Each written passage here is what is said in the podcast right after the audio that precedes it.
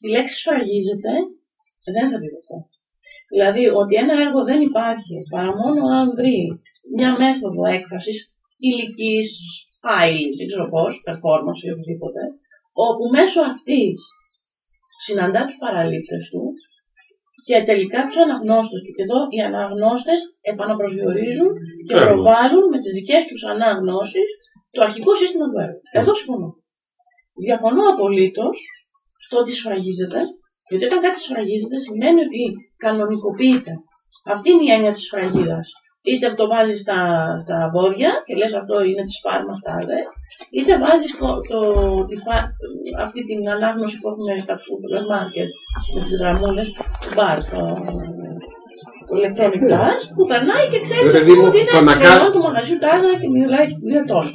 Ναι. Το έργο τέχνης δεν σφραγίζεται ποτέ. Και αυτό είναι το καταπληκτικό. Το έργο Μπορεί να αναπροσδιορίζεται συνεχώς. Ναι. Ωστόσο, υπάρχει ένα σημείο 0 που δημιουργείται. Το σημείο 0 που δημιουργείται δεν είναι, αφορά... είναι η πράξη της δημιουργίας. Όχι, αυτό είναι αυτη... δεν είναι αφορά τον αυτισμό του καλλιτέχνη. Αφορά την, την, την αποδοχή του μηδενικού θεατή. 0. 0-1, το 0 δεν είναι ο θεατής.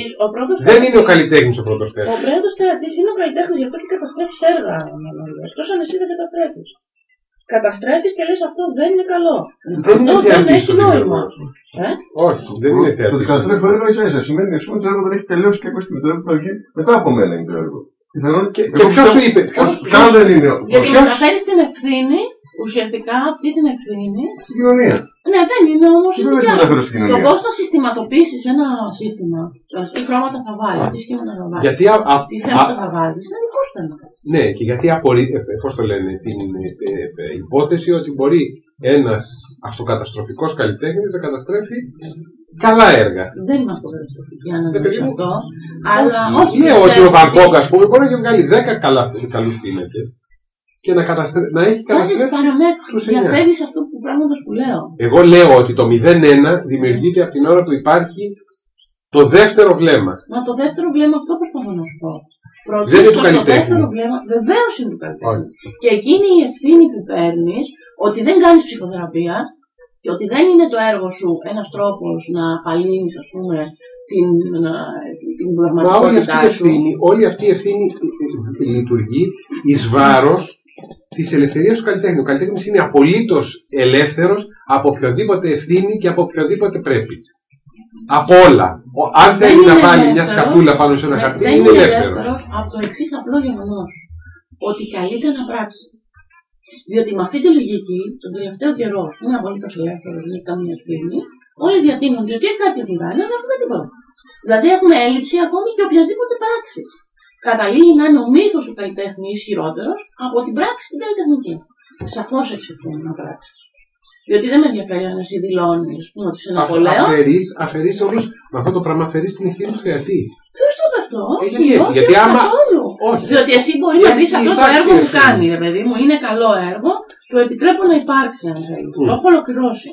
Και με αυτή τη λογική έχω κάνει μια σειρά έργων, 10. Τα οποία είναι αέρας, είναι τα οποία, όχι, όχι υπήρξαν, αλλά ήταν αναγκαίες συνθήκες για να καταφέρω να βρω το σύστημα που με ικανοποιεί και λέω ναι, ρε παιδί μου, αυτό για μένα είναι έργο. Mm. Μετά κάνω την επόμενη κίνηση. Γεννιέται το έργο. Το έργο δεν γεννιέται.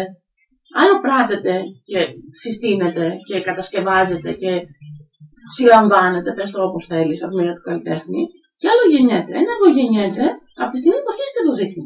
Και, και εδώ είναι η αναγκαία συνθήκη. Ναι, Αυτό ακριβώς λέω. Ότι είναι η αναγκαία συνθήκη ενός καλλιτέχνη, συνειδητού καλλιτέχνη, να ξεπεράσει τα όρια της ψυχοθεραπείας του και να το, να το προτείνει ως έργο.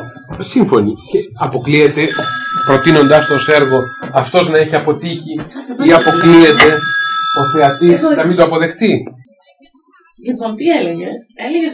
Παίρνει τηλέφωνο Έλεγα ότι. Όχι, όχι. Έλεγα ότι είναι σημαντικό το ότι ευθύνη. Ρε παιδί μου, πες ότι εσύ κάνεις ένα ανύπαρκτο έργο, το οποίο δεν υπάρχει. Δεν, δεν μπορεί να είναι ανύπαρκτο έργο. Πώς δεν μπορεί; Αυτό δεν είναι έργο, είναι έργο. Το Όχι, έργο... ανύπαρκτο εννοώ ανύπαρκτο μια μπουρδα, μια χαζομάρα. Α, δεν έχεις το δικαίωμα. Όχι, ένα κακό έργο. Τότε, γιατί παιδί μου, γιατί μπερδεύουμε τους όρους, άλλο ένα κακό έργο, Ένα Ένα ανύπαρκτο έργο είναι αυτό που δεν έχεις πάρει την ευθύνη να πράξεις. Ένα κακό Και έργο. όλοι στα- στο μυαλό μας είμαστε μεγάλοι καλλιτέχνε. Μπράβο, λοιπόν, αυτό, όχι, αυτό με αφορά. Με αφορά το ότι στο μυαλό μου έχω ότι είναι μεγάλος καλλιτέχνης. Αυτό Και δεν ο- μα αφορά μόνο τώρα- καθόλου. Κανέναν από εμάς. Συμφωνώ. Μπορεί να είσαι Ναπολέον στο μυαλό σου, Μπράβο. όπως σου είπα. Λοιπόν, ο- εγώ έχω το δικαίωμα να είμαι Ναπολέον, Σαφώς. Στο άπειρο. στο άπειρο, αλλά την πιθανότητα Να ένας το αποδεχτώ δικαστήριο. και εγώ ότι Ε; είσαι Ναπολέον, πρέπει κάτι να πράξεις. την ώρα που εσύ θα αποδεχτείς μέσα από οποιοδήποτε ρε παιδί μου, από το, την, την, την χαζομάρα μέχρι το πιο ευφυές, την πιο ευφυή πράξη. Την ώρα που θα αποδεχτείς εσύ ότι είναι Ναπολέον, εκείνη την ώρα το μετατρέψεις σε εργοτέχνη. Όχι. Αυτό σου λέω. Αυτό εδώ προσπαθώ να σου πω. Το έργο, σαν πράξη, πρωτίστως, ενέχει την δικιά σου δέσμευση απέναντι στην βούλησή σου. Η βούληση είναι μια άλλη συμπλήρωση. Η πράξη όμως, η πράξη της βούλησης σου, αυτές η, η, υπάρχει μια άλλη λέξη που δεν θυμάμαι, η οποία ενέχει μέσα και την έκφραση της βούλησης στην ύλη. Ό,τι και αν είναι αυτή η ύλη. Από το βίντεο, στο ριλάδι, στην performance, σε μια δήλωση στην εφημερίδα. Έτσι. Αυτή είναι η πράξη σου. Το αν εγώ αυτή την πράξη σου την αναγνωρίζω ως πράξη Ναπολέοντα ή ως πράξη κάποιου που νομίζω ότι είναι Ναπολέον, εδώ έγκυται η εκτίμηση του αναγνώστη, του, του καπαραλήπτη, αν αυτό το έργο είναι εργοτέχνη. Άρα λοιπόν, ο, δε- Συμφωνούμε; άρα, λοιπόν, ο δεύτερος Όμως, θα κάνει το όμως, εργοτέχνη. όχι.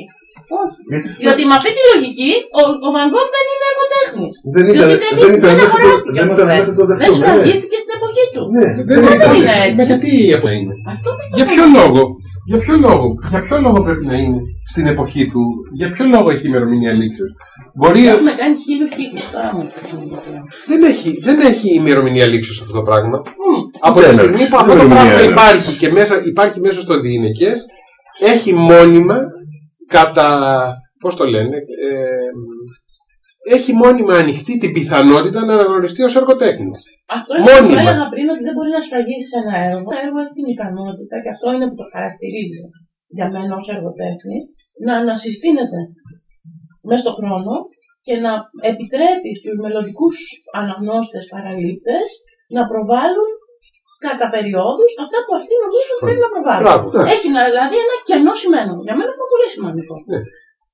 Όμως, ξανά, Προϋποθέτει, προϋποθέτει όμως τον, το- το- τον άνθρωπο ο οποίος θα προβάλλει πάνω στη- στην παραγωγή την δικιά σου. περίπτωση Αυτό το Σε πράγμα. αυτός σου λέω, ένας συνειδητός καλλιτέχνης, αν δεν είναι ψυχασθενής, γιατί υπάρχουν καλλιτέχνες που είναι ψυχασθενείς και δεν έχουν διάθεση να κάνουν αυτή την πράξη. Αλλά ένας συνειδητός καλλιτέχνης, ο οποίος είναι τέλος πάντων ένας κανονικός άνθρωπος, τρελός όπως οι υπόλοιποι, όπως όλοι μας. Την κάνει αυτή την πράξη για να, για να τη δείξει, για να επικοινωνήσει. Δεν την κάνει μονάχα γιατί τον κάνει να νιώθει καλά. Τον κάνει να νιώθει καλά επειδή την κάνει και, και επικοινωνεί μέσω αυτή. Το κάνει για να το δείξει. Διάβαζα Σύμφωνοι. ένα καταπληκτικό, μια μπρουτάρ. Διάβαζα μια πολύ ωραία ιστορία. Εμφανίζεται ένας curator, ψάχνει όλους αυτούς που κάνουν εργατέχνη κατά καιρούς. Έχουν ανακαλύψει καταπληκτικούς καλλιτέχνες που τους καταστρέφαν τα έργα και τα θεωρούσαν σκουπίδια. Αυτοί οι ίδιοι τα, κα- τα καταστρέφαν. Περίπτωση κυρίας η οποία κάθεται λέει και, και ντάει, μάλλον πλέκει εικόνες και πάει ο curator σύγχρονη εποχή και της λέει: Θέλω το έργο σου μια έκθεση και λέει: Όχι, δεν μπορώ να σας το δώσω, γιατί μετά πρέπει να το καταστρέψω. Και αυτή, για αυτή, για αυτή, ήταν, αυτή ήταν ε, το έργο. Φτιάχνει, τέλειο, ωραίο, τέλειο, μετά το ξεπλήγει. Και ήταν σε μια, δεν ήταν μια συνειδητή, αν θέλετε, και μπήκε μέσα σε, ένα, σε μια διαδικασία ε, θεραπείας. Κάπου σε ένα ίδρυμα θεραπευτικό. Άρα ο curator την ονόμασε. Αυτό προσπαθώ να σου πω. Ο Ότι ο curator την, καλλιτέχνη ο την συνειδητός ονόμασε Για να θες- τέχνη. και πάλι και, και ο συνειδητό. Και βά, ίσως εδώ βάζουμε λίγο ε, όρους που δεν είμαι σίγουρη ότι είναι καλή. Αλλά ένας καλλιτέχνης παίρνει την ευθύνη. Κατάλαβες τώρα τι λέω με την ευθύνη. Δεν, την, η ευθύνη δεν είναι στον θεατή, δεν είναι στον curator, δεν είναι στον αγοραστή. Είναι στον καλλιτέχνη, ο οποίος πρέπει να χρεωθεί και την αποτυχία του. Αν δεν μπορέσει να βρει την επικοινωνία που ζητά. Με, με πλάγια θεματάκια. Έχει ευθύνη του έτσι κι αλλιώς. Όχι, Δεν όχι, είναι όχι. ευθύνη. μ, το Δεν είμαι σίγουρος. όταν Είναι λες έτσι κι ότι αλλιώς. ξέρεις, Θα μπορούσε- εγώ δεν παίρνω ευθύνη, αν βρεθεί κάποιος να πει ότι είμαι καλλιτέχνης είμαι, αλλά αν δεν. Υπάρχουν και αυτές τι περιπτώσεις. Όχι, Θα αυτές μπορούσε, είναι. σε αυτά που λες, θα μπορούσε να την ψήσει τελικά και να γίνει εργοτέχνη. Όχι, να την ξαναμιλάω. Σωστά λέει. Όχι, ο, ο, Εκείνη ο την ώρα, curator ο το κάνει. curator Ο Κυριακό θα μπορούσε να ψήσει λοιπόν. Αν να την γίνει- είχε σκοτώσει, την κυρία, Θα ήταν δεν ένα. ήταν εργοτέχνη, θα ήταν Ήταν εργοτέχνη. εργοτέχνη. Ακούστε. Έτσι. Παίρνω. Δεν θα ήταν. Θα ήταν, τέλος. Ρε curator του του. Αυτό κι αν είναι curator από τη φύση του. Ρε curator του θανάτου. Δεν θα ήταν Μόλις τώρα, εργοτέχνη. μόλις εκείνη τη τώρα στιγμή. έφτιαξε μια συλλογή με σκοτωμένους καλλιτέχνες και το, το οποίο μπορείς να υπογράψει κιόλας. Όχι, δεν μπορείς. Λέω ότι μέρος τη ιστορίας είναι η υπογραφή της κυρίας αυτής. Βρε, βρε Μπανόλη, εγώ αισθάνομαι ότι κατά βάση συμφωνούμε. Δηλαδή, αν βάλω κάτω, ας πούμε, ότι έχουμε πει, αν εξαιρέσουμε τις εντάσεις στον, στον, στον τόνο της φωνής τώρα, συμφωνούμε. Αυτό που μας ε, μας κάνει και.